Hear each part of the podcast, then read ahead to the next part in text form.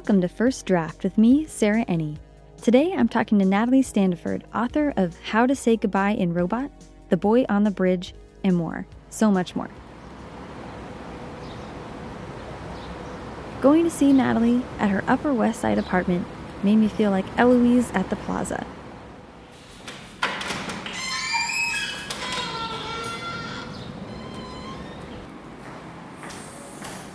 I took a wonderfully creaky elevator to her floor. And when Natalie opened the door to greet me, all I saw were wooden floors and a wall lined with books. A framed John Waters poster, a custom cat entrance drilled at the foot of her study's door, and a delightfully funky chandelier. If the best of house hunters and my Sims family were magically combined, it wouldn't even come close. Natalie is easy breezy cool, the kind of New Yorker who pines for the days when the subways were covered in graffiti and stepping out onto the sidewalk at all was pretty punk rock. She's every cool thing I've never even dared to dream of being. Turns out that between her early book, The Bravest Dog Ever Story of Balto, and her ghostwriting gig for Fear Street, Natalie has been shaping my young mind for pretty much all of my life. All I can say is, thank God. We are newish apartment. Yes. New to you. Yes. Um, and we have a big, beautiful living space. And your boyfriend's desk is in the corner by the by the bright window. Piled with papers and notebooks. He's also a writer. He used to be a TV writer, and now he's working on a novel. Do you read his Well, actually, we met years ago, ghostwriting Fear Streets together. We both worked for the same book package. A Fear Street love story. That's Yes. the best thing I've ever heard. We were just friends. Yeah. yeah, yeah. Many years went by, and then we reconnected um, about three years ago. and then your office is a little over Here. So this is my office. Right inside the door. You have more Ah, copies, yeah. which are so gorgeous. Up there's on Fear Street. The cheater. Lights out. Oh my god, the secret. Yeah. What's that one? I can't read it. The boo, the The Fear Street saga. the burning. Oh my god, the covers are bringing it all back. I'm so into it. I've been reading you for way longer than I thought for years. So that's a little a little perk when you walk in, a little inspiration. So it's not finished yet. Ah. I just got. I had these are all files, and I had stacks of file boxes, and then I just got this file cabinet. Oh, beautiful. But it doesn't hold everything, so I have to put them some things in storage or something. And what are the files? So you know, I have a file for every book that Okay. has like the contract and the editorial Right. letters and the drafts, and files of all my royalty statements and Mm-hmm. files of fan correspondence and files of ideas and Mm-hmm. So you're doing all that still on paper. You'll print out your edit letter and Yeah. mull it over. Yeah. well, actually, I don't always get an editorial letter from David. Sometimes he just takes me out to breakfast and tells me, Nice. and I have to write my own editorial letter. Oh no, yeah. and Try to remember. Yeah. Ah, that's funny.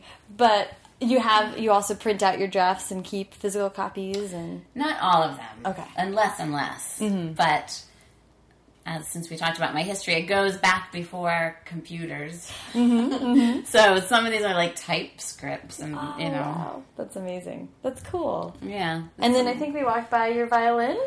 That's a ukulele. Oh yeah, it's small. And um, my practice amp for my bass, and there's my bass. So I Love practice it. in here too. cool, cool, cool. Multi-purpose room. Yeah. Oh, and even you has have, a little bathroom. You have a bathroom off to the side. That's because amazing. this is the apartment's, you know, maid's room. Oh yeah, yeah, yeah. well, that's cool. I know it's. I love it. It's fantastic. And you do have a nice big window. Yes, looking on a fire escape and brick walls. Hey, you know, you get to see the sunlight.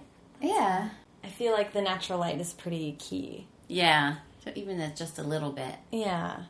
And when you are writing, do are you do you use Scrivener? Are you doing it on a Word doc? I'm doing it on a Word doc, but the project I'm working on now has so many different pieces. I'm thinking I might try Scrivener. Take the I know so many people who love it, Yeah. but I'm just nervous because I guess I resist change, and I'll have to learn how to do it. Yeah, the learning Yeah. curve is the frustrating part because you just want to dive in and know how to um, make it work for you as quickly as you can. But it's, I like it a lot. It's pretty. Yeah, I think I'm gonna have to try it. Um, so what are the what are the things that you need around you when you're writing? Do you feel like? I need good ballpoint pens, Mm. uh, some coffee or tea, Mm-hmm. or iced coffee or iced tea, um, some paper to Mm-hmm. write on, and my laptop.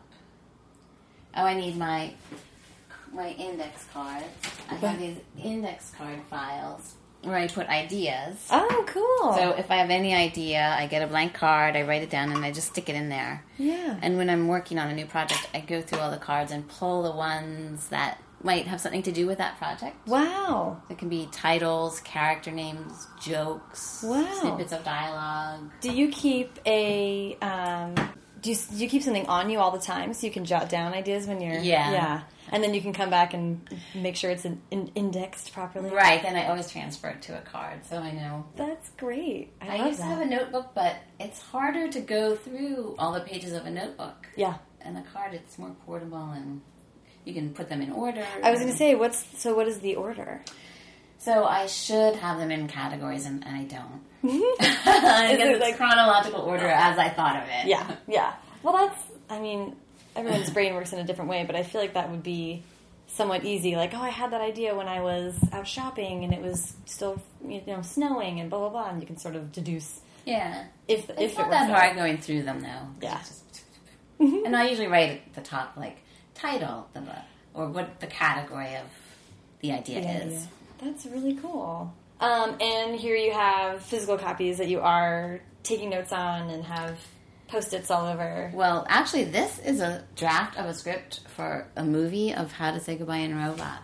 Ah, what? I know. It's so exciting. So it's very far from actually becoming a movie. Right. But he hired screenwriters, and so he sent me a draft, and I thought it was really good. So it's very exciting. It's fun to read. Oh my gosh, no kidding. So have you? Is this the first draft that you've actually seen, or have you seen the, the This process? is the first one I've seen. So I made notes on it, and they've been really nice about going back and forth with me. What do I think? So that's so I printed that out so I could read it more easily. Mm-hmm. And then this is the project I'm working on now, which was just like this mush. Mm-hmm. And I printed it out because I was going to the beach, and I wanted to have it. Just seemed easier to have it on paper Yeah, to yeah, carry it and yeah. it is easier. I tend not to print out. I resist it because it's like take some paper and it's a lot of work. Mm-hmm. But my boyfriend really believes in printing out everything. As you saw, he lives amongst piles of papers. Yeah. and he convinced me to do it. And I have to admit, it's useful. Yeah, I like um, when I get towards the end of that. Like if like right before I would send it to Sarah, I would do at least one round of reading it physically, and then I end up using so much writing it's like embarrassing.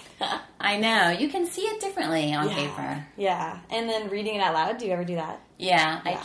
I I don't do it as much as I I believe everyone should do that. Mm-hmm. but I don't do it as much as I should. But I do try to do it. Yeah. You don't. You typically write in the middle of the night, right? You kind of wake up and get get to writing. I write in the day usually. Yeah. But if I do write at night if I need to or if I mm-hmm. feel like it. Mm-hmm. But so yeah, mostly in the in the morning or the afternoon. Cool. And then you have a really fun sort of Jetson Z type. Yes. Modern chair. Very comfortable. I like to swivel in it. it's key. um, yeah. Well, it's absolutely gorgeous. Oh, thank you. What is the what's left to do? Um, I have to get rid of these files and put them in storage, I guess. Some of them are so old. Do you ever now? You, there is like a little nook with a kind of a couch. Yes, and that folds out to a twin bed. So the idea is guests can stay in here. There's a bathroom, but I have pulled it out to read on and hang out on. Yeah. Do you ever take the laptop over there and stretch out? Mm-hmm. Yeah, that's nice. I like kind of change pace sometimes. Yeah. like those illustrations of all the different ways that you have to read when you're in the middle of a long reading session. And I have, I have a lap desk too. Sometimes I can use that. cool. Well, this is so neat. And how in New York to have the little maids' quarters in the old apartment. I love it. Thank you. Thanks for showing me. Okay, so it's nice to meet you. It's nice to meet you too. Um, I would like to start with just uh, where were you born and raised? I was born in Baltimore, Maryland, and I grew up there with about a year and a half detour in California when I was very little. Um, but mostly I'm from Baltimore. My parents are from Baltimore. All my relatives live there. And are people still out there? They're all still there. Cool. Everyone's, all my brothers and sisters moved away and went back, and I'm the only one that didn't go back. Wow. But you didn't stray far. You Right, in I would love to come up and visit. yeah, yeah, yeah. Um, where did you go to school? I went to a Friends school in Baltimore, Okay. which I loved. Um, and then I went to Brown for college. Cool. And I majored in Russian. Oh, awesome. So, and I think I read that you've been to, you studied abroad. Yes, I took a junior year semester abroad that's awesome. in Leningrad. It was at St. Petersburg. Wow, that's amazing. Do you still speak Russian? It's very rusty. I've forgotten a lot of vocabulary. Ah. Um, my old apartment had a Russian super. Really? So I would sort of do a Russian English hybrid with him, and he loved me because he didn't speak English that well. Yeah. So it was useful. That's awesome. Yeah. that's awesome. I love that. That's come in handy. It's amazing. Let's see. So, so you leave Baltimore to go to Brown, Right. And how do you end up in New York? I always wanted to live in New York. When I was in ninth grade, maybe, I saw Annie Hall, and I just thought, that's where I want to live. And unfortunately, New York isn't like that anymore, but, but I still really love it. Right. So, and also, I wanted to be a writer, and Mm-hmm. if I wanted to work in publishing, so New York was a natural fit. When did you start writing? I started writing stories in third grade. Really? Yeah, Yeah. I wrote a sixty-page novel Wow. in third grade called The Hither Heather Hiding Place. Wow. but I didn't know what a paragraph was yet, so it was just like one 60 page block of handwriting, That's third amazing. graders' handwriting. So it's really like 80 pages. Maybe. they were probably short pages. Big handwriting. That's amazing. Was it a full beginning and you wrote the end and all that? I don't remember because I destroyed it Oh, out of no. embarrassment a couple, like a year later. Oh no. I thought it was beneath me and I didn't want. My mother kept making me show it to people. Oh. because she was proud of it. Mm-hmm. And I felt like I had outgrown it and I didn't want to show it to anyone anymore, so I threw it away. Oh my gosh. I know. Bummer. I wish I had it now. Yeah. So you've been writing for forever. Did you ever lapse in it or have you been pretty consistently writing for your whole life? Pretty consistently my whole life. Yeah. That's amazing.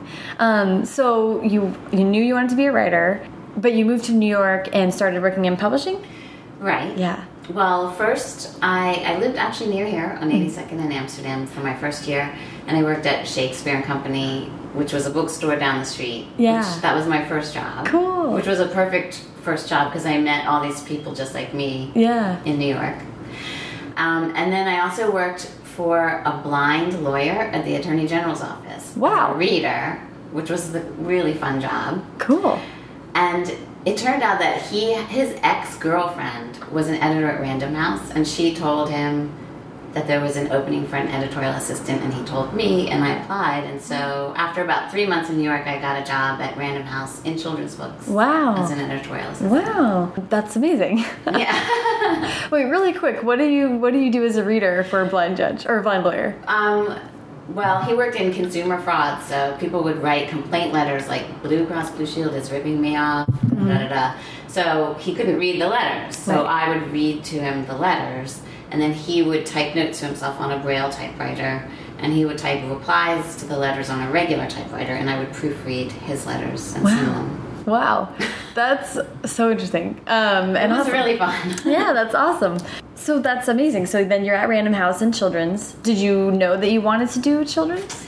No, I thought I wanted to move into adult publishing, but once I got there, I realized that it really suited me. And also, part of the job was writing.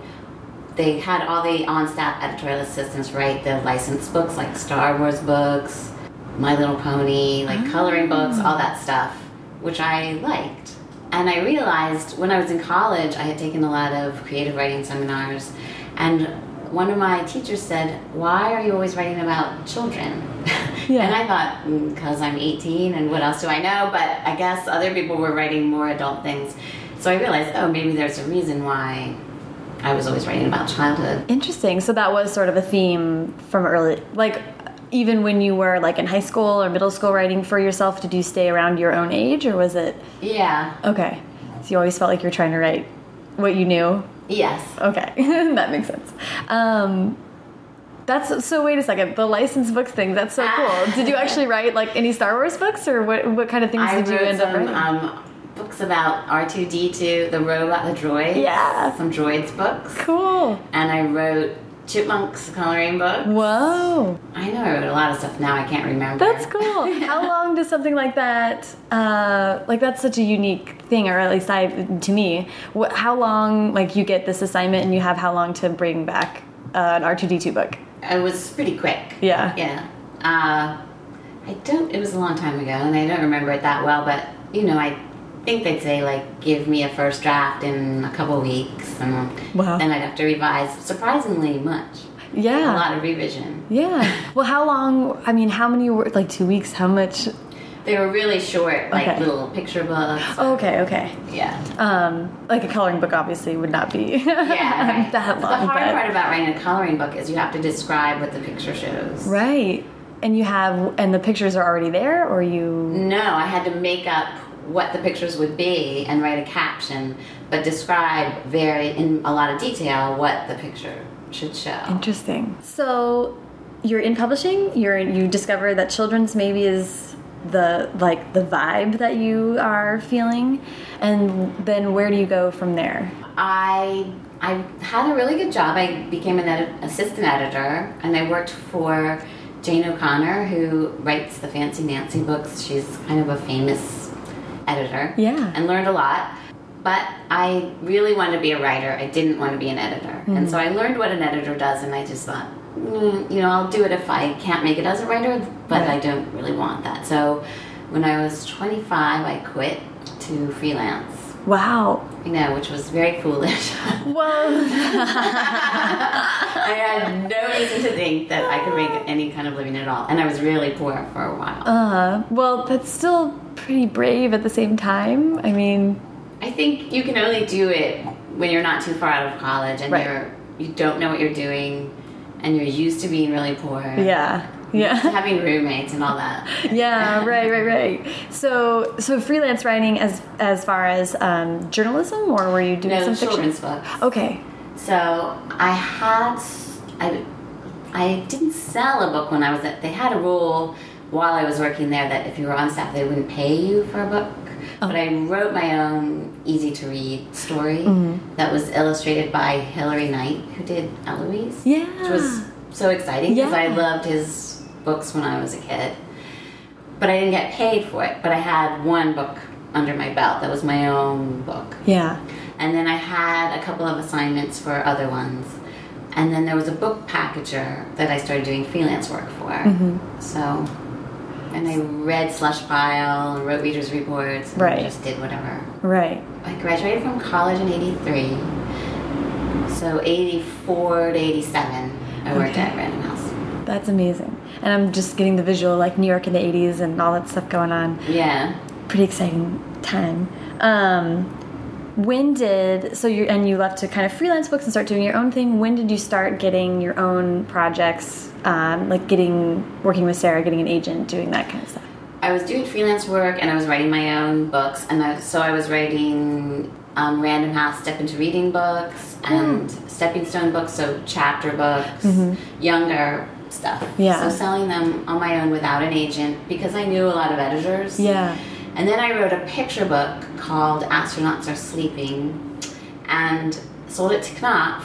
So then I thought, okay, I'll get an agent now. Mm-hmm. And it's so easy when you have a contract in hand. right So then I got an agent, and then it's funny that I that's my only real picture book, and after that, like through the years, I gradually write started writing for older and older age levels, interesting which I think mirrored what was happening in publishing. Oh, Because yeah. when I started, it was all very preschool, young stuff, Mm-hmm. and then YA was considered dead. Right. In the 80s. And then around 2000, late 90s, it started coming back. Yeah. How did you find that transition? These are all they're all still children's, but they're tremendously different styles of books. What was the challenge to attack a new age level?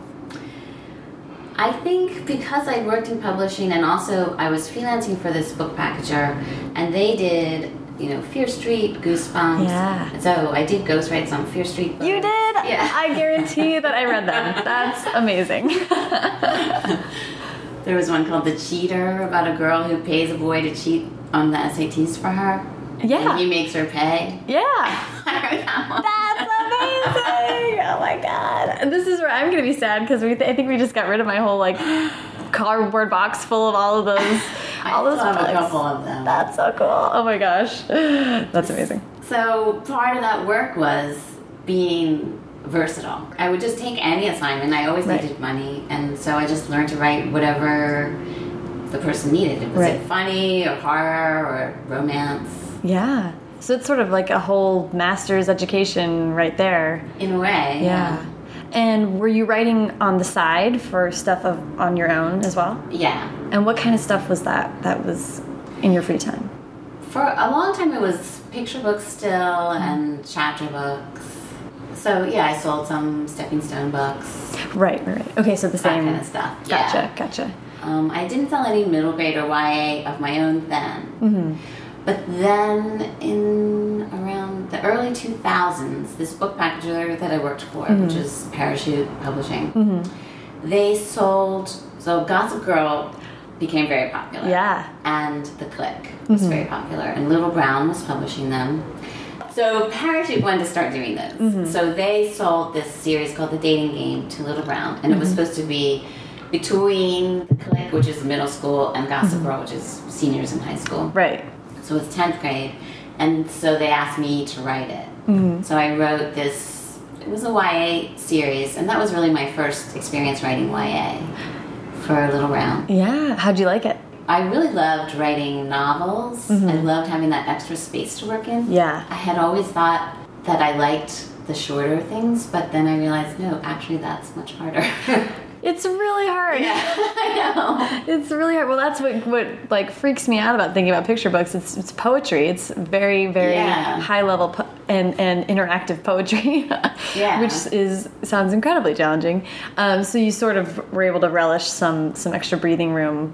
And is it still for that type of project? Are you are you looking at sixty k or Uh, 50, I would say. fifty ish? yeah. Okay. And did you how many of those of that series did you get to do? Six. Wow. How long did you get to do that? Very little. I had to write them very fast. I wrote four of them in a year. Wow. And then the next year, I think I wrote six books because then I wrote it for Disney. I wrote a series about Elle Woods from Legally Blonde. Oh yeah, yeah, yeah. when she's in high school, so it was like a prequel series. Oh my gosh. And I wrote four of those, and so I was doing all of this one Yeah. after the other, overlapping, Wow. just constantly working. Have you always been, would you call yourself a fast drafter then? I can be if I have to be. If you have to be. is that you, so is that like your natural state or I mean, do you prefer to get a draft first and spend time on revision or how is your, what's your process? I do like to just spew out a draft and then revise. I love to revise. Yeah. Yeah. Yeah. Which is, I think some people cringe when they think about it, but um, revising is so fun. It's so much less stressful than filling a blank page, Mm-hmm. I think. There's something already there. You can just make it better and shinier. Exactly. it's nice that way. Um, okay, so uh, so how did we get? I guess let's go. Let's get up to the point of um, how to say goodbye in robot. It was fun writing all these assignments, and, Right. but I really wanted to break through and write my own book. And so Mm-hmm. I thought, okay, I'll try to write a young adult novel of my own. So I was doing it on the side in between these other assignments. Mm-hmm. Um, but I had I had left my other agent and oh I, I had an idea for sort of a young YA that would be set around like a community pool Mm-hmm. Oh, yeah. and had interest from an editor at Razorbill for it. So Mm-hmm. then I contacted Sarah and Sarah Burnes. Sarah Burnes and we clicked immediately and she took me on and then I didn't end up doing that for some reason. I got too busy with something else or I'm not sure. Or my editor left or something happened. Yeah. Um, but in the meantime, she helped me with this dating game series and the Elle Woods books. And on the side, I was writing How to Say Goodbye in Robot. Cool. And I showed it to her, and she made me revise it many times. But she liked the idea. Yeah, yeah. How long was how long was that drafting process? It was a couple years. Yeah. And then how long was the revising? Uh, that was at least a good year. Okay. I would say it's sort of you know like you revise and then you send it out and you Right. wait. Right, right, right. Um, so I don't. It might have been another couple of years over, like the whole thing until we sold it. Yeah. Probably So the waiting. yeah, right, right, right. The waiting the waiting kills. Yeah, the, waiting. horrible, horrible waiting. But sorry, um, I think you were about to say something about the drafting for for that, like squeezing that in between all of your other projects. How how did that feel? It felt great because it was the first time I got to write something really, really personal. I had been doing all this stuff that was fulfilling other people's requirements. And How to Say Goodbye in Robot is set in Baltimore and so based on my own high school experiences. Yeah. And none of the characters are actually really based on anyone that I knew, but it started from the atmosphere of Baltimore that I remember in high school. Yeah, So I just really enjoyed immersing myself in that. yeah. If you don't mind talking about the whole the sale process, because that was so kind of kind of fraught, but I feel like it's also kind of normal. Yeah, People yeah. don't talk about it too much. Um, you revised for Sarah, and then you had she had a product that she felt ready to go with. And where did it go from there? So there was an editor at Little Brown that I worked with on the dating game books, and we got along really well. And she always said she wanted to see anything I was doing. So we sent How to Say Goodbye in Robot to her, and she liked it. But she took it to the editorial board, and they didn't get it. They thought it was too weird. So the editor said, "Why don't you revise it and make it a little more accessible, um, a little less dark?" Right. So then I went through a period where I I read books and watched movies and TV shows that were funny but dark, mm-hmm. like Harold and Maude, where he's trying to kill himself every other scene, Right. but it's somehow not that bleak. And, Right. Right. and that did really help. And I revised the book mm-hmm. and sent it back to her, and um, they turned it down again. And we had sent it to her exclusively. Mm-hmm. And that process took probably nine months. Wow. So it was very discouraging because I knew this editor wanted to work with me, but mm-hmm. still we couldn't sell her the book. And so I thought, well, who's going to want it? It's too weird. Nobody likes it. But then Sarah sent it out widely, and within a couple days, we started getting calls. Wow. And it went to auction.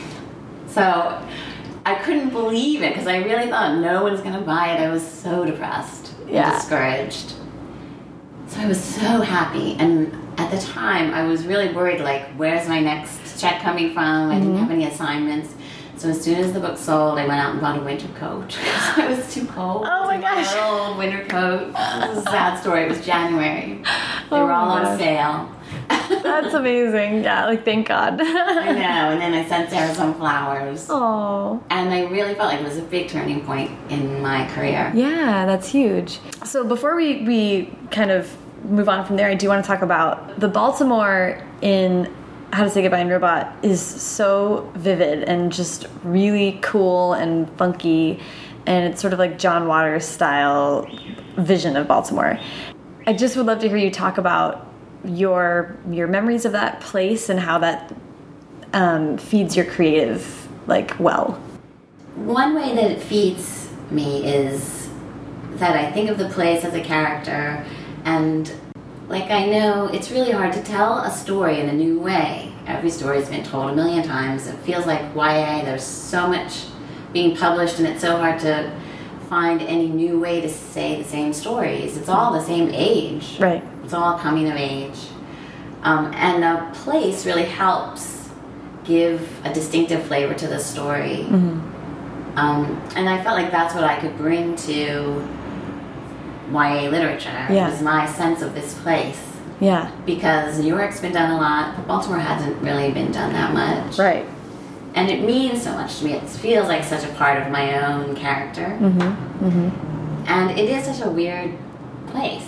Yeah. there's always there's so many characters. It's so easy to remember details and throw them into the book, and it just adds a lot of spice Yeah. and shapes who the characters in the book are. And Yeah. So, I mean, you have you ever had the urge to actually go back to Baltimore to live, or Um, no, I'm I'm there a lot anyway because my parents live there and my brothers and sister all live there. Um, I really love New York. It's funny. I think that because I don't live there now, in a way, I'm writing about this fantasy Baltimore. That's like a fairy tale place. It's not really that real. Well, oh yeah, I wrote here that it does the How to Say Goodbye in Robot, like you're saying, strangely, it is sort of dark, and there's and there's some elements of it that are a little um, maybe quirky, but it feels like it's the, a love letter to a city in a way. I wanted to do that, so I'm glad that comes through. Yay!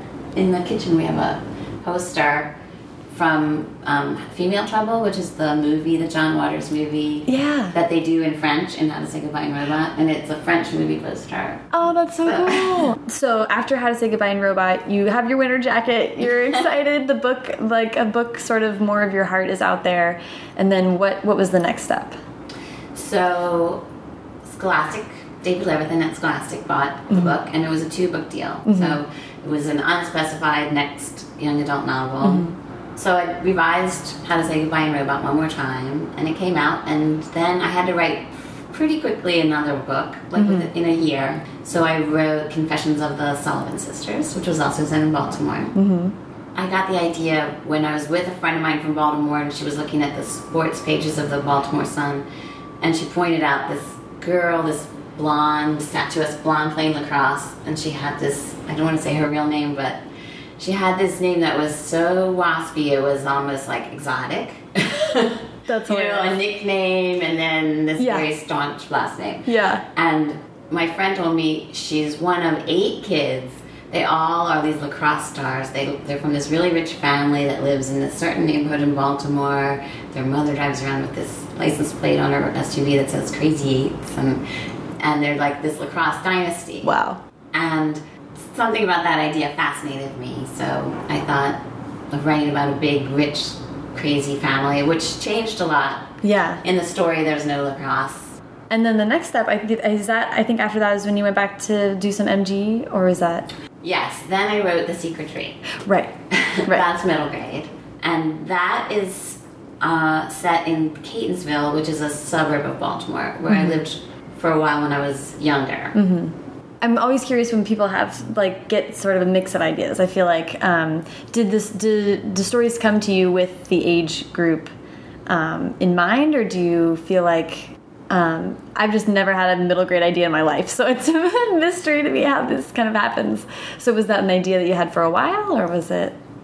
No, I hadn't had the idea before, but I was, for some reason, remembering those years when we lived in Catonsville and thinking about how writing about Baltimore, people expect, they think of Baltimore as a city full of weird characters and quirky people, but then I thought, actually, Catonsville was the suburbs, and the people were just as quirky and weird there, even though the suburbs have this reputation of being kind of boring and Right. bland. So I thought, I think I'll set a story there with just the same kind of characters. But since I was younger when I lived there, all my memories were younger kid memories. Mm-hmm. And so that's why I made it middle grade. Interesting. Okay, so I think that's fascinating. The the setting was almost more of a driver to get going on that story than anything else. In a way, the setting and then also the memories Yeah. of yeah. the place. Uh, and I mean, you're bouncing back and forth because the St. Petersburg book is a YA, yeah? Yes, that's Okay. definitely old YA, I would say. Okay, It's yeah. about a college student. and that is, of course, drawing on your experiences in Russia. Right. So, how was it like to co- go back to that place? It was interesting. I had thought for a while that that would be a good story, and I just wasn't sure how to do it and the timing because for a long time it seemed like the Soviet Union was the most boring place. Nobody cared about it or wanted to read about it. But enough time's gone by that I think it's taken on the glamour of nostalgia. So it was interesting. It was not easy to write about it though because the story is based on something that did really happen to me, which is I went to study in Leningrad and I met an artist and we fell in love and he wanted me to marry him so he could come here. Oh, wow. And I really didn't want to get married because I was 20, a junior in college. Yeah. Um, so in real life, the story ends differently from the way it ends in the book. And it was hard. My first draft was much too tied to what had really happened.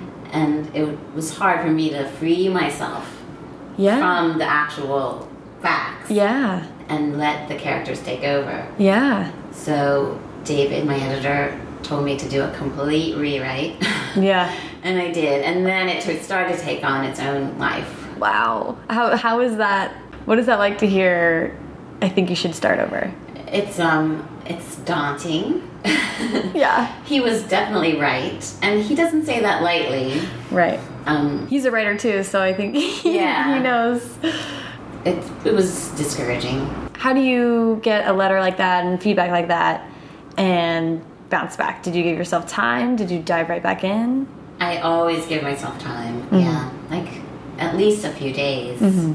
Depending on how severe Right. criticisms are. Right. So I'm sure I took at least a week or two to just get over my sadness about it. And then just, you know, you have a deadline and it's mm-hmm. looming and you mm-hmm. know you have to get going or you're going to be pushing that deadline too hard. Right. Well, that's crazy. Did um have did you read um the uh, Kristin Cashore her story about Bitterblue? No. She had this um, amazing long blog post about about revising and and that she wrote Bitterblue and it was of course like 800 pages or whatever it it was and then her editor said I think you just need to start over. so she had all of that and she was like uh. and she said that she just revised so much that she was still like puzzle piecing things together and then when she just started over like it it flowed and she said they had didn't ever have to do, revise the first page or something like that but it was just this like imagining having an 800 page book and her editor being like Did she throw it all out? I well, I think it was the same story. She just now she just needed to. It had been revised so much. It just needed her to be clear and say it again. Yeah. but better. Yeah. so it was the same story, but just needed to be totally rewritten, which is crazy. It's hard. And but at least you know it happens. I guess there's not. you're not alone For sure. yeah. Um, well, that's amazing. Do you feel like you would want to go back to a Russia setting for a story in the future? I'd love to go back and visit. I haven't been there since 80 something. Yeah. Um, so I haven't even seen it since it Soviet Union collapsed. Right. I'm not sure if I'd want to set another story there just because I don't know if I have another story to tell there. Mm-hmm. And it was hard to write about a country that no longer exists for an audience that wasn't born at the time of the story, trying to imagine what high school students would understand about this civilization. Yeah. And I did see a Goodreads comment or something by some girl who must have been pretty young, where she said, It says this book's, I shouldn't make fun of her, but she said, It says this book takes place in the Cold War, but I didn't see any sign of any war happening. Uh, oh man. Like, okay, so she doesn't understand what the Cold War is. right. Right. Right. And that's. I mean, yeah. How do how do you approach that as an author of creating that setting? I think I mostly assumed they'd figure it out. Right. I didn't want to be writing a textbook on Right. Russian history. Right. It's hard. Did you think about moving the story to be another time, or you knew you wanted it to be the time that you remembered? Well, it had to be at the time I remembered because the crux of the story is this dilemma that the main character is in where she's in love with someone who wants her to marry him so that he can leave with her. So either she marries him or she never sees him again. Right. And that dilemma wouldn't happen now. I do. I guess um, since we're kind of talking about places, I want to just return a little bit to New York. And you mentioned that you were that Annie Hall sort of set the maybe the romantic vision of what the city would be. When you arrived, how did you find it different? I was really surprised that most of the people who live here are so ordinary and normal. I and weren't particularly stylish or beautiful or mm-hmm. rich or anything. And they're just a lot of normal people. Right. It sounds. it does sound funny to say, but yeah, my first time here, I was like, oh, there's, and it took a, a few trips for me to be like, well, there's the best of everything, and there's the worst of everything. It's just a place where y- you just have the extreme of the human experience on an island. That's like kind of what it is. Yeah, I know it sounds so naive, but I think I did have this idealized vision. I think And I'd always been so intimidated by, like in college, the people who were from New York. which I'm sure there were a lot of them at There Brown. were a lot of them, and they were, you know, from Greenwich Village or Fifth Avenue, and they always knew what to wear, and their parents were very interesting and Mm-hmm. accomplished. And But you fell in love with the city anyway. yeah, I, I did immediately. What were so? What were the things that that really pulled you? For one thing, I'm just a city person. I love living in cities. I love apartments and hmm. not having to mow the lawn and crowds and all kinds of food and getting whatever you want at any time. Mm-hmm. But mostly, I think it's the sense that you could meet anyone here, anything could happen. Mm-hmm. There's this endless possibility. So every day is exciting. Yeah. Or potentially exciting. Right. Also potentially very frustrating. But Right. right. Right. Right. Um, did you ever, since you moved to New York uh, after college, have you ever lived out of the city, or has you have you always been rooted? in I've always been here. Okay. Yeah, I've been here all these years. That's amazing. So much longer than I lived in Baltimore. Right. Right. Yeah. Um, have you set a book in New York yet? I haven't, but I'm working on one now Oh. that mm, I don't know if it's going to turn into a book or not. yet. Okay. An but, idea. But it's um, I don't know if it's new adult or maybe adult. It's um, young women in their twenties. Oh. Okay. Cool. The same um, pattern that I've had of the place and my age going together. Yeah, yeah, yeah. And and slowly just kind of getting up the ladder of, of age group. Yeah, so we'll see what happens. Maybe I'm not an adult writer. I don't. what? How did you think about, or um, like you mentioned, New York has love letters are written about New York every day. I feel like, um, and plenty of books are based on New York. How did you go about trying to find a, a unique way to talk about the place? I'm. I don't know if I can answer that yet, really, because I. It's still early, and Yeah. I'm not really sure what I'm doing in this book. Yeah. I think it's more about um, the age of the characters and the time of life. You know, right after college, Yeah. getting your first job, all that stuff. Where have you lived in all uh, all over the city? Or Yeah, I um, I lived on the Upper West Side my first year, and then I moved to Avenue A. really? which was like another planet, especially in the 80s, because it was a lot grungier then. yeah. And lived there for a couple years.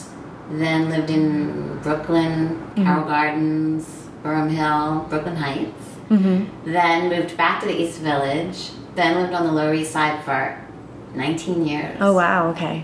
Because I had a rent stabilized apartment. Ooh, nice. I know. I still have it until au- the end of August. Actually. oh really? Yeah. Ah. I love that neighborhood. Cool. And I loved the little place, but it was a little dump in a tenement, but I did love it. And now I'm back on the Upper West Side where I started. That's so funny. I know. Oh, I love that. Um, yeah, what did you say? Like two blocks away from? Four blocks away. Oh my gosh, that's wild. so, how is the city? You clearly still love it, but how has it changed for you? I, it's a lot less gritty. It's Mm-hmm. definitely safer, which is nice. There's a lot more money. There's less of a sense that only the most misfit, interesting people from out in the rest of the country come here. Mm-hmm. It's so safe now that I think a lot of sort of conventional suburban kids aren't perfectly happy to come here because it just seems like fun. Right, right. But in the 80s, it was more punky, Mm hmm, mm hmm. More of so- a challenge. More of a challenge, definitely dirtier. Mm-hmm. The subways didn't run as well. Everything, Yeah, things just didn't work as well. right, But that's what you expected. right, right, right, right. And it was sort of cool too. Sometimes I do miss that sense of pioneering artists. Mm-hmm. I guess it's in Brooklyn now, but it's still Some parts. Do you feel like there's? Have you seen in other cities where you see that that's how the city is now? Actually, Baltimore is changing because the art school there, the Maryland Institute, has grown a lot and it's become a draw for artists, young artists, and Yeah, it's definitely a place that has cheap real estate, lots of mm-hmm. crime, mm-hmm. lots of grit, doesn't run well. Mm-hmm. yeah, yeah. it's got all the elements. Like it, it's funny how creativity goes hand in hand with all those things. Like know. being unstable because you have to, and I think goes along with with you have to be on your feet and thinking quick, and and you just the gears are moving all the time, and you can't help but. I don't know. That's an imaginative place to be in. I think. Yeah. But also, you don't need a lot of money to take over a warehouse or start a mm-hmm. performance space or to do things that you want to do. Yeah. So, you when you moved to New York, did you know anybody that was also moving here? Yeah, a friend of mine from high school was living here, so I moved in with her. Okay. But I only got to stay there for a month because her roommate promised my I didn't even have a room. I was in the living room, my spot, to her friend, and somehow that had priority. So after a month, I had to move into this other apartment with people I didn't know, Oh my gosh, your spot. like my place on the living room floor. Yeah. Oh my gosh, that's crazy. Um, uh, well, okay, you moved here and you started working in a bookstore, and um, and then slowly got to publishing. When did you sort of start to have a community of writers, of people around you that were pursuing that? I would say I had friends from college who were writers who were here, but I really felt a sense of community. I don't remember what year it was. It must have been the early 90s, the late 80s, when I started volunteering for this thing called the School Volunteer Program, which was children's book writers go to schools in New York City four times a year and do school visits with the same class. And Cool. so then I met a lot of other writers, and then I mm-hmm. also met this woman named Darcey Steinke, who's an adult novelist, mm-hmm. who ran the program, and we became good friends. And then her cousin Renee Steinke moved to the city, and she and I became good friends. And she's also a novelist, and mm-hmm. so then we just started forming this Group, yeah a web. Yeah, I started reading magazine people, and Yeah. Did it make a difference to your creative life to have people around you that were also writing? Yes. I think it widened my sense of what's what was possible for me to do. I think in a lot of ways it's hard to put my finger on exactly how it did, but I can feel that it did. Mm-hmm. Some ineffable sense of creative molecules in the air. Mm-hmm, mm-hmm. Um, and then we are always talking about what we're working on, mm-hmm. introducing each other to more and more people, talking about the publishing process and all our problems with Right. that, and good things and publicity, and now like going on Twitter and supporting each other's books, and Yeah. you know all that stuff. I think it's interesting too that you have uh, you sort of cre started creating a web of people that are writing all kinds of different things. Yeah. So, what is your process of showing other people your work and getting critique, or um, how does that process work for you? I don't show other people my work very much, except for Sarah. Mm-hmm. But I have friends who do, and so I'm always reading my friends' things at different stages. I don't understand why they want me to read them. Like, to me, that seems crazy. Do you do you give feedback? Do you write down feedback, or do yeah, you? I make notes and hmm. send them an email, sort of editorial letter. Yeah. If that's what they want. It Yeah. depends what they want. Mm-hmm. But I am more guarded, mm-hmm. so I try to work until I can't go any further and send things to Sarah and get her feedback. And I really trust her editorial feedback. And then when she thinks it's ready, we send it to David. And Wow, so no one else really sees things until wow, pretty ready to go. that's very interesting. Do you? I mean, it's obviously working for you. I feel like that is really. I don't know. It's really admirable in a way. like you trust yourself so much to to get it where you want it to be. I don't know.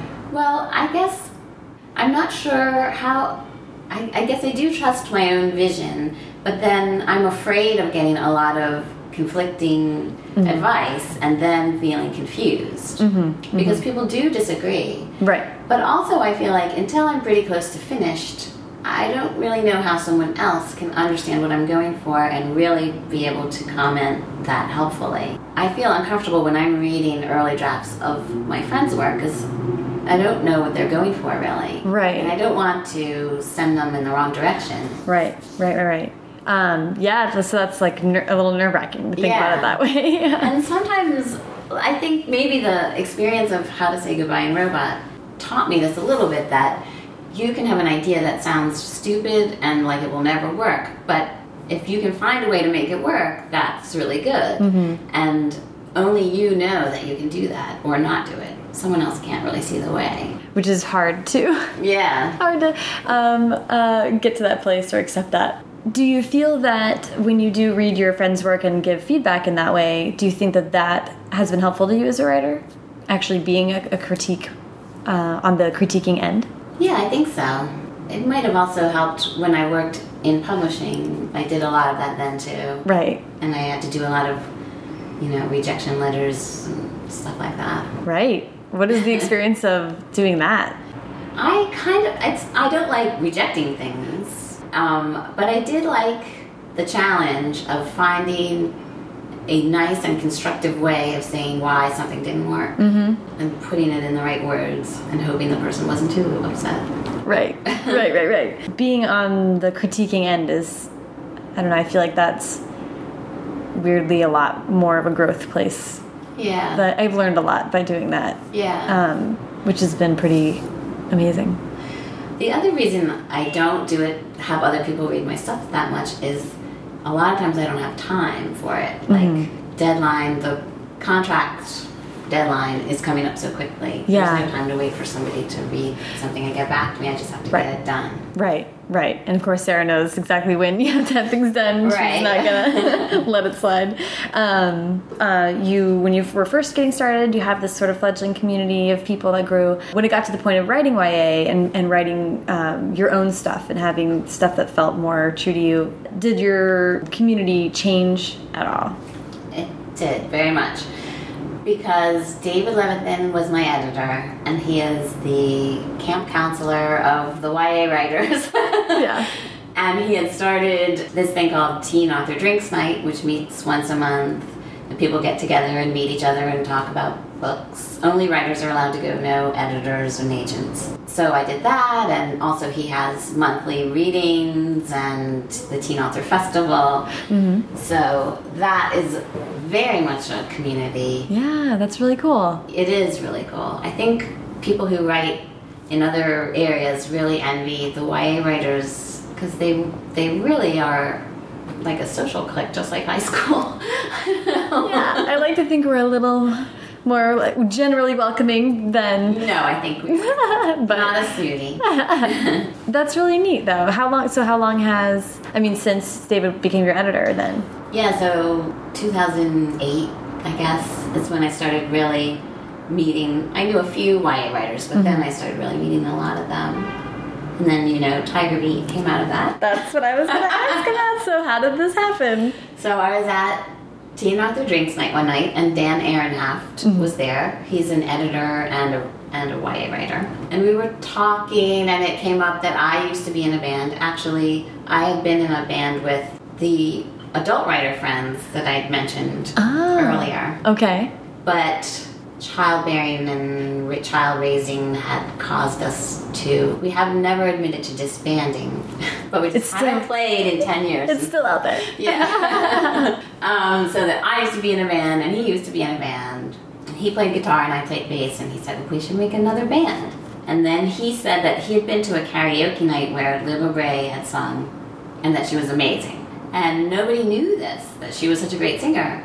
And so we asked her if she wanted to do it and he had another friend, Barney Miller, who writes YA, who's a fantastic drummer and also a great singer and very musical. Wow. And so we just started. so it came out of Teen Author Drinks Night. That is so awesome. So, where did you uh, like? Um, are you still playing regularly, or how did this go? Yes. Well, actually, this weekend, everyone's coming. Um, my boyfriend and I rented a house on Fire Island, and everyone's coming out for the weekend, and That's we're going to work on new material and That's so pretend awesome. that we're the Rolling Stones in a chateau in the south of France. Hundred percent. Of course. Best weekend ever. I hope so. This weekend, we'll see. That's so cool. Oh my gosh, how fun. Um, Yeah. How is the process of, I'm interested in the creative process of writing songs versus that's so collaborative, that's so, of course, different medium, of course, but like stretching some muscles Yeah. um, that writing is akin to. How does, how does that um, play into, you know, we as writers spend a lot of time alone and then getting the chance to do music with a group, how does that um, feel? It feels so refreshing and good.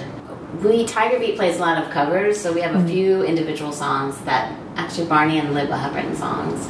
I wrote songs with my old band Ruffian, but it's not easy. That writing a song is like writing a picture book in a lot of ways. So I haven't written for Tiger Beat, but the process of getting together, arranging the work, practicing, is it's like going to the gym or something in a way. It's so physical Yeah. that it's a release.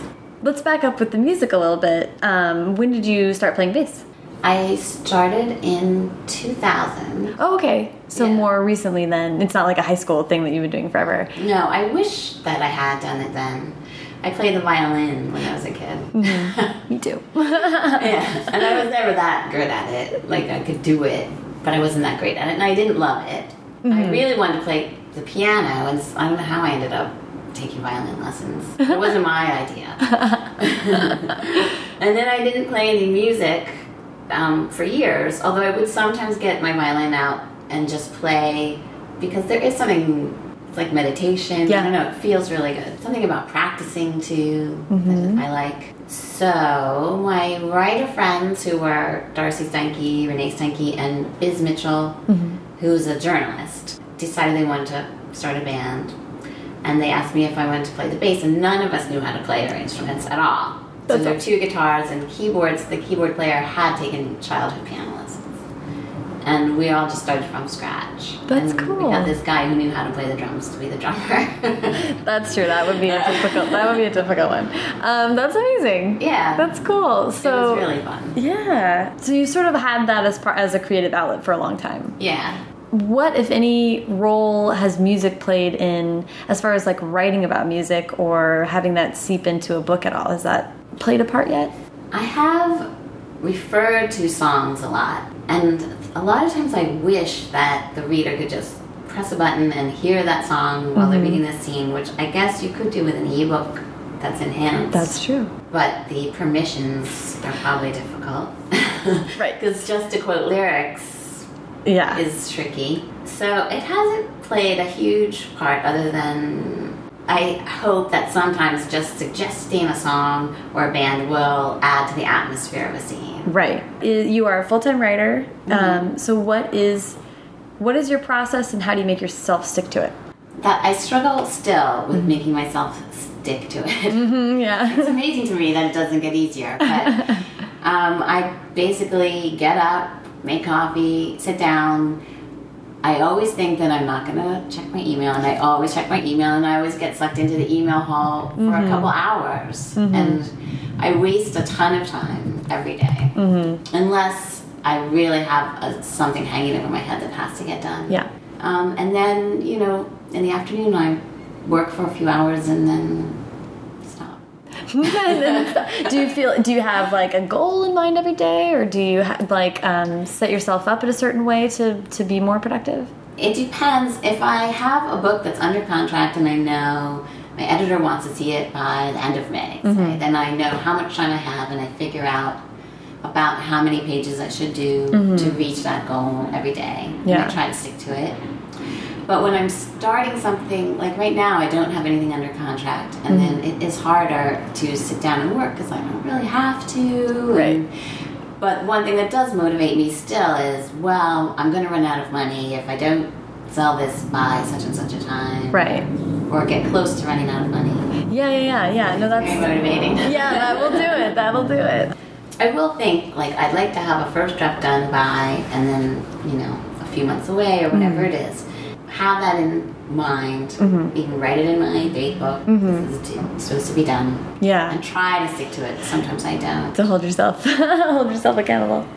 This is um, kind of silly sounding, but I was reading my horoscope on July 1st and it said, no, Mercury is out of retrograde and now you can stop feeling like your feet are stuck in the mud and get things done. So all Scorpios must do a 30 day challenge, work, pick a project and work on it for at least one hour every day. And by the end of the month, you'll see your life will be transformed. Wow. So That's motivating. I had been really struggling with my motivation all spring. And so I thought, okay, I'm going to do it. So I'm doing that now every day. An hour is so, it sounds easy. I can work for an hour. right. Right. Even like I've been at the beach and been sort of on vacation, but every day I'm doing my hour. So far I'm doing it. It's, Mm-hmm. Yay. it's only nine days, but That's exciting though. That's that's awesome. Um, So I recommend that. Yeah. Even if it's just an hour, you can. Because I waste so much time. Like I might spend three hours working, but I'm not working for three hours. Right, right. Yeah, I, I, I like that. That's really, I like that. this burst of motivation, like the universe is putting a deadline on you, and Yes, the universe wants me to do this now, so I will. that's awesome. I've kind of been wrapping up a little bit with like uh, the advice angle of what would you say to. I think maybe it would be extremely helpful to hear from you, both new writers and also people who have been in the industry for a while. What are your advice for those two kind of tiers? There's so much advice out there. Yeah. I'm always afraid I'm just repeating what everyone's heard a million times. For new writers, I think the important thing to do, I think they might have a tendency to they get excited about an idea, they start a project, and inevitably you hit a point where it seems boring or it's not working or you're tired of it. Um, but if you can push past that, and even if you think what you're doing is terrible, write it all the way through to the end. Yeah, because you can never really accomplish anything if you don't write it to the end. And it's normal to feel like it's not working on the first draft it's boring whatever but you can always change it you need to have something written down so that you can revise it right. that's the main thing for me that i always still try to remind myself just whatever i start try to finish it Yeah, yeah, well, that's huge. I, that's it's not uh, easy to do. to No. that. it's really not. it's very hard to do yeah, and you're telling me it doesn't get easier? Well, you and the one way that it gets easier is that the more you've done it, the more you know you can do it. Mm-hmm. And even if it still feels like a struggle, Yeah. you know you can do it because you've done it so many times before. Yeah, yeah. Do you ever look back on? I was talking to someone about this the other day.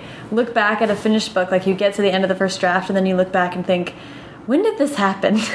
like when was I writing this book? Yes, yeah. like I don't recognize this. Yeah, Yeah. yeah. Like how did I make this thing? It seems impossible every time, Yeah. but you know you can do it every time. It's it's a very strange.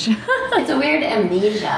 yeah, yeah. I don't remember sitting down and working so hard on how did I ever write 250 pages? Yeah, yeah, yeah, yeah. But then while you're doing it, it feels like you're never going to be finished. It's never going to get done. Mm-hmm. Mm-hmm. It's a unique masochism that Yeah, you have to learn to live with a certain level of discomfort. Yeah, think, and that's just learn to tolerate it. That is true. Um, and what about? I guess I feel like people who have been in the industry for a while, uh, having a career in it. I mean, from what I understand, is it's got its own different challenges. Yeah. So, what would you say is something that you've learned about maybe keeping optimism while dealing with that? I guess just that you have to be persistent, and the more spitballs you can throw at the wall, Yeah. the more likely one of them will stick. And the difference between like career writers and people who've just done one book or not been published, I really think is not talent as much as persistence. Mm-hmm. Like you just keep doing it, keep doing it until something works Yeah. because there's so much that's out of your control, almost all of it. And it's hard to be calm about that, but really the only thing you can do is try to focus on your work and make it as good as it can be and enjoy the process as much as you can and just keep doing it. Mm-hmm. Mm-hmm. Until luck comes to your side. Yeah. Yeah. um, that, I like that. Um,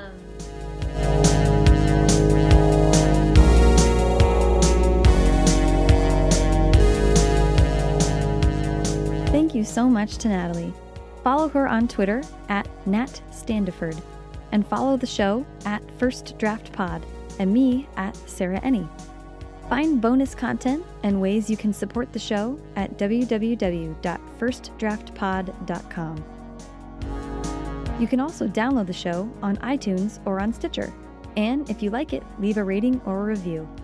Thanks to Hash Brown for composing our theme song, and thanks to Colin Keith, who designed our logo.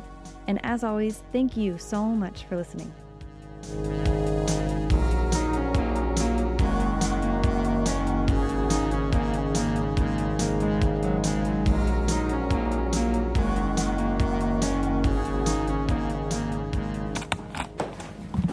Oh, first band with Look At that. So before Tiger Beat. Oh god, that's so cool. Uh, gas station in the East Village. Oh my god. About 2003 or something. Badass. That is so We great. we were so not tough. We were like ah. really cold. That's why our faces look so mad. We look so, so upset. You've got short sleeves on. Oh my god. it's November. Yeah. I love that. How many bands were just cold and we remember them so differently?